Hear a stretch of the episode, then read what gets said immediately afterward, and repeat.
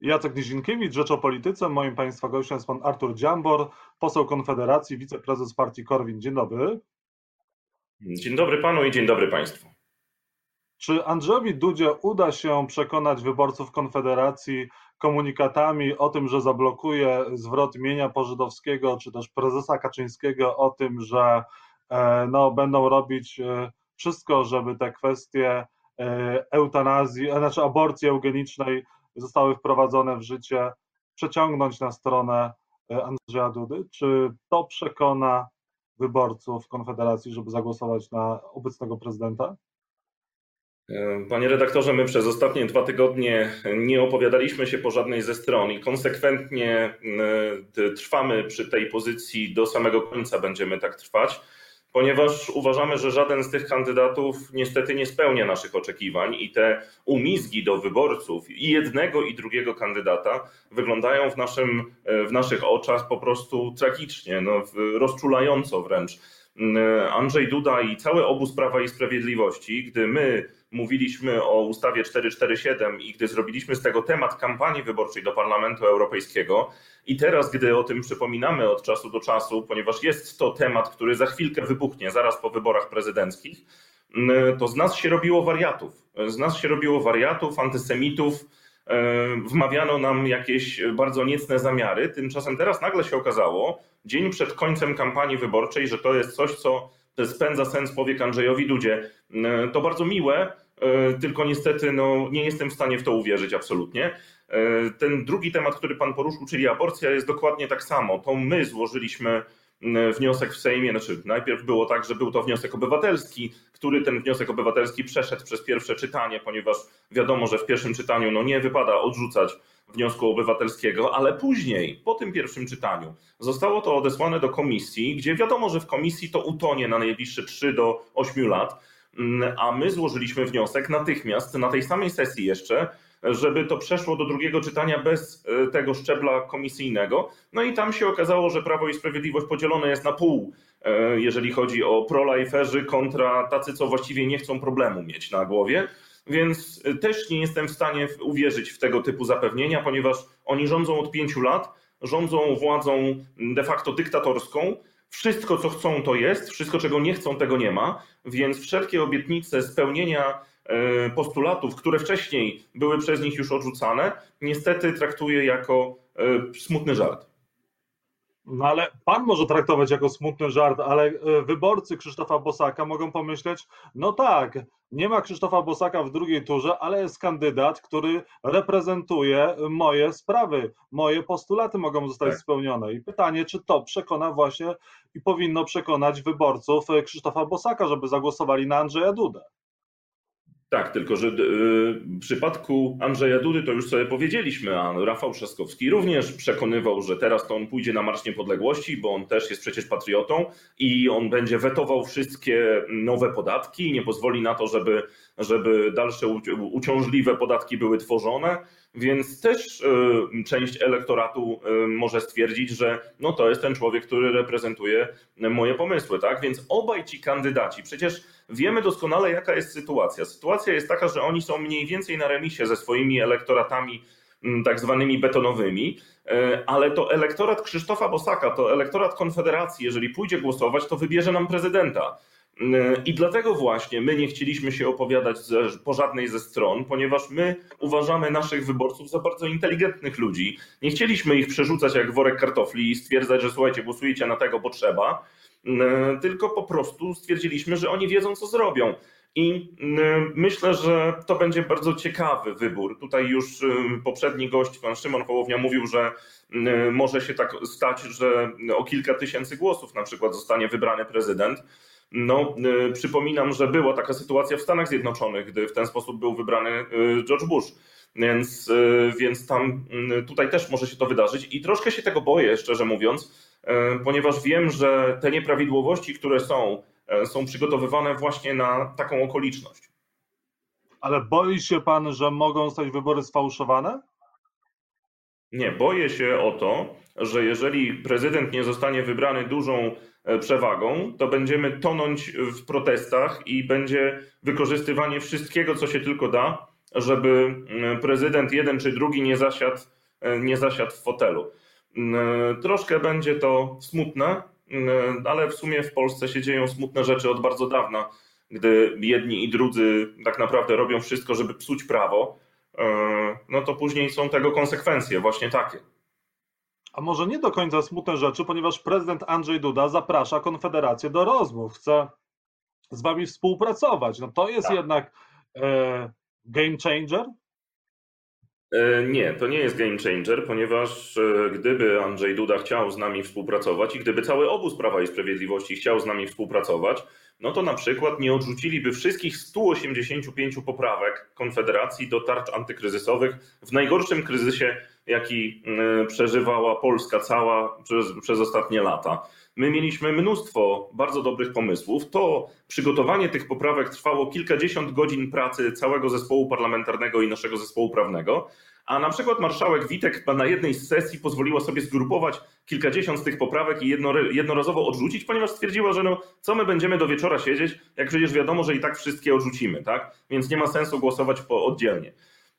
Gdyby Andrzej Duda i obóz Prawa i Sprawiedliwości chciał z nami współpracować, to przyjąłby jakiekolwiek e, postulaty, które my od samego początku pokazujemy wyborcom. Niestety sytuacja jest jaka jest. No, Prawo i Sprawiedliwość ustawiło się w pozycji opozycji totalnej do Konfederacji i w ogóle do wszystkich w tym momencie. Natomiast do nas szczególnie, co pokazują statystyki głosowań, widać tam idealnie, że są w stanie czasem zagłosować za czymś, co wymyśli Platforma, czy nawet Lewica, ale nie są absolutnie w stanie zagłosować za czymś, co wymyśli Konfederacja. Więc y, teraz, dziś, jak Andrzej Duda zachęca do tego, żebyśmy my współpracowali, troszkę tak, no, lepiej późno niż wcale, powiedziała babcia spóźniwszy się na pociąg. Tak? To, jest, to jest sytuacja, w której oczywiście my następnego dnia po wyborach do tego, który wygra, wystąpimy e, z ofertą, ideową ofertą, merytoryczną ofertą zmian, które trzeba zrobić w systemie podatkowym, zmian, które trzeba zrobić w e, szkolnictwie, w ochronie zdrowia. Jest mnóstwo rzeczy, którymi się powinniśmy zajmować, a którymi się w ogóle nie zajmujemy w tej kampanii.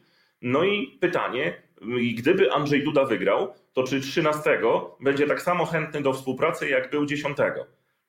Mhm.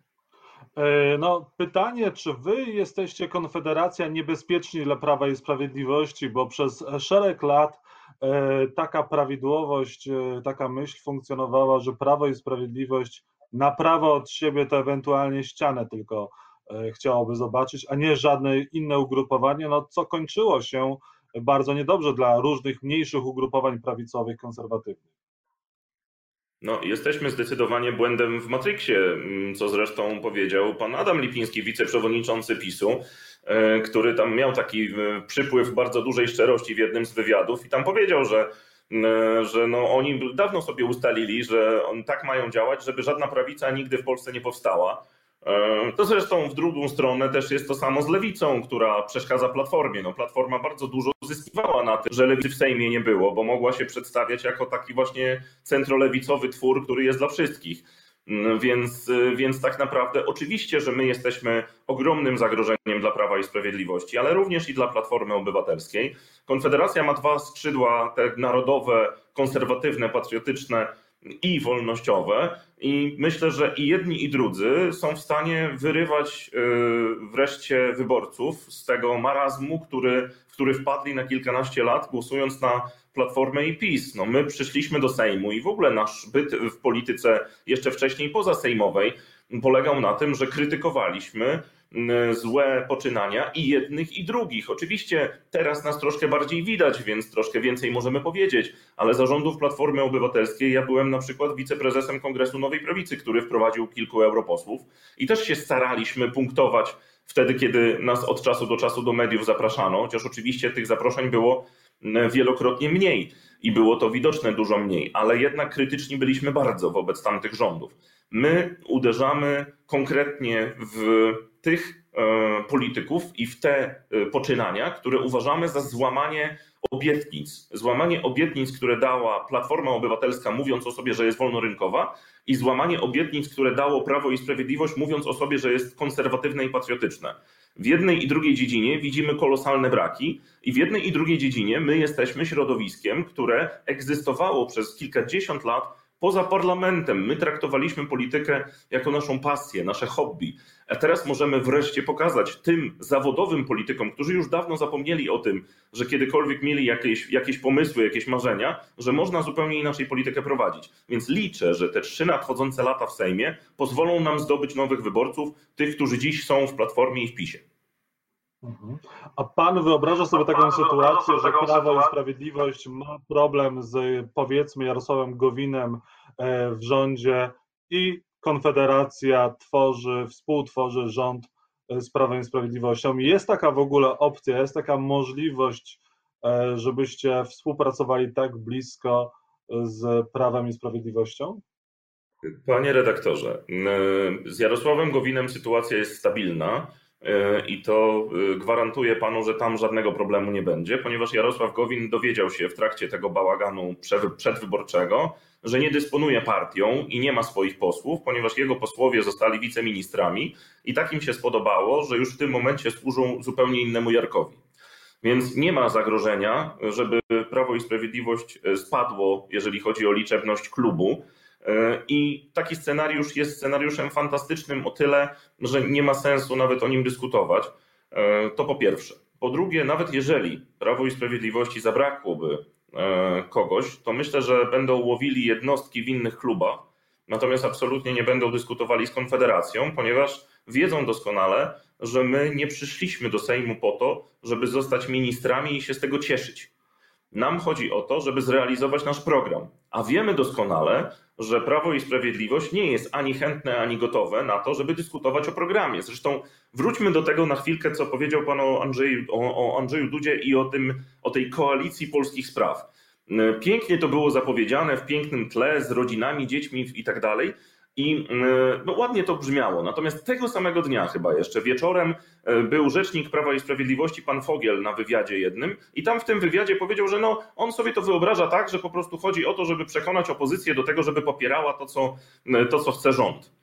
E, że, że, no więc, e, więc ta piękna zapowiedź Andrzeja Dudy parę godzin później została całkowicie zakopana pod ziemię szczerością rzecznika Prawa i Sprawiedliwości. I myślę, że, mm, że w ten sposób to wygląda. Nie ma możliwości, żebyśmy dyskutowali o jakiejkolwiek współpracy, która nie będzie się wiązała ze z popieraniem naszych punktów programowych. A nasze punkty programowe wiemy doskonale, że są absolutnie nie do zaakceptowania zarówno dla Prawa i Sprawiedliwości, jak i Platformy Obywatelskiej, dziś, gdy nie stoją pod ścianą. Ale może być zupełnie inaczej w nowym rozdaniu, które będzie może za trzy lata, a może jak niektórzy twierdzą troszkę szybciej, chociaż ja oczywiście w ten scenariusz szybciej nie wierzę. Mhm. I na koniec, pan pójdzie do tych wyborów 12 lipca? Tak, idę głosować. Tak samo byłem na wszystkich poprzednich i byłem też w drugich turach, tam gdzie musiałem wybierać między Komorowskim a Dudą, tam kiedy musiałem wybierać między Kaczyńskim a Tuskiem, za każdym razem były to dla mnie wybory tragiczne, ponieważ no, nie popierałem żadnego z tych kandydatów, ale uważam, że na kimś krzyżyk trzeba postawić i najlepiej, żeby to był głos ważny. Wiem, że w internecie jest bardzo duży ruch, żeby nie głosować albo żeby oddać głos nieważny, jeżeli ktoś jest bardzo niezdecydowany rzeczywiście i uważa, że to jest zło jedno i drugie no to faktycznie ten głos nieważny, z, gdyby statystyka tych głosów nieważnych pokazała, że bunt w społeczeństwie jest gigantyczny na poziomie, nie wiem, miliona na przykład, no to wtedy można by stwierdzić, że faktycznie jest bardzo duże poruszenie. No ale z drugiej strony, tak jak dzisiaj Korwin Mikke napisał na swoim, na swoim profilu na Facebooku, skoro mamy takich dwóch kandydatów w finale, to widocznie społeczeństwo tego chce. Więc, e, więc my musimy zrobić wszystko przez te następne trzy lata, żeby nie, nie mieć koniecznie znowuż wyborów w przyszłości pomiędzy Platformą a PiSem, a ja na wybory pójdę, zagłosuję, będzie mi z tym źle, tak jak Jarosław Gowin, nie będę się cieszył. Szymon Hołownia powiedział, że zagłosuje za mniejszym złem, e, którym dla niego jest e, Rafał Trzaskowski, a pan na kogo zagłosuje? E, o tym wie tylko moja żona. Nikomu innemu tego nie opowiadam, także, także przykro mi bardzo, panie redaktorze, będzie pan musiał się domyśleć, tak jak widzowie no, popełniłem duży błąd, nie zapraszając e, pańskiej żony dzisiaj do programu, ale jednak zapraszając pana. Naprawię to wkrótce, a e, niech mi pan powie na koniec, czy jednak gdyby okazało się, że wybory wygra Andrzej Duda, to to jakoś zabetonuje scenę polityczną na najbliższe lata i może sprawić, że kolejne wybory demokratyczne, wolne stoją, będą stały pod znakiem zapytania? No, rzeczywiście rządzenie Andrzeja Dudy przez następne lata to jest y, dalszy ciąg dyktatury Prawa i Sprawiedliwości. Y, I ja rzeczywiście mam pewne obawy co do tego, y, czy Prawo i Sprawiedliwość przypadkiem nie będzie chciało mieszać przy systemie wyborczym. Wiem mniej więcej, jakie tam plany są zakulisowe. Tutaj już zresztą Szymon Hołownia o nich wspomniał w, w poprzedniej rozmowie. Mam nadzieję, że do tego oczywiście nie dojdzie. Tak? Także, także tyle jeżeli chodzi o Andrzeja Dudę. Z drugiej strony, gdyby Rafał Trzaskowski wygrał, no to mamy powrót do wojny Platformy z PiSem, tylko teraz na aż trzy lata, gdzie będzie ewidentnie y, pokazywane to w ten sposób, że właściwie tylko te dwie partie istnieją. Więc ja nie wiem, co jest gorsze dla Polski, dla Konfederacji, to tak naprawdę nie ma dobrego wyjścia. Tak? Mm, chociaż oczywiście Chociaż oczywiście no, może też tak być, że mm, dmuchamy na zimne i tak naprawdę jakoś to wytrzymamy, tak jak wytrzymaliśmy ostatnie pięć lat. No zobaczymy. Tak czy siak widzimy się 12 lipca przy urnach i oddajemy głos ważny w wyborach. Każdy głos się liczy. Tak jest, tak będzie. Artur Dziambor był Państwa moim gościem. Dziękuję i do zobaczenia wkrótce. Pozdrawiam serdecznie. Dziękuję, miłego dnia.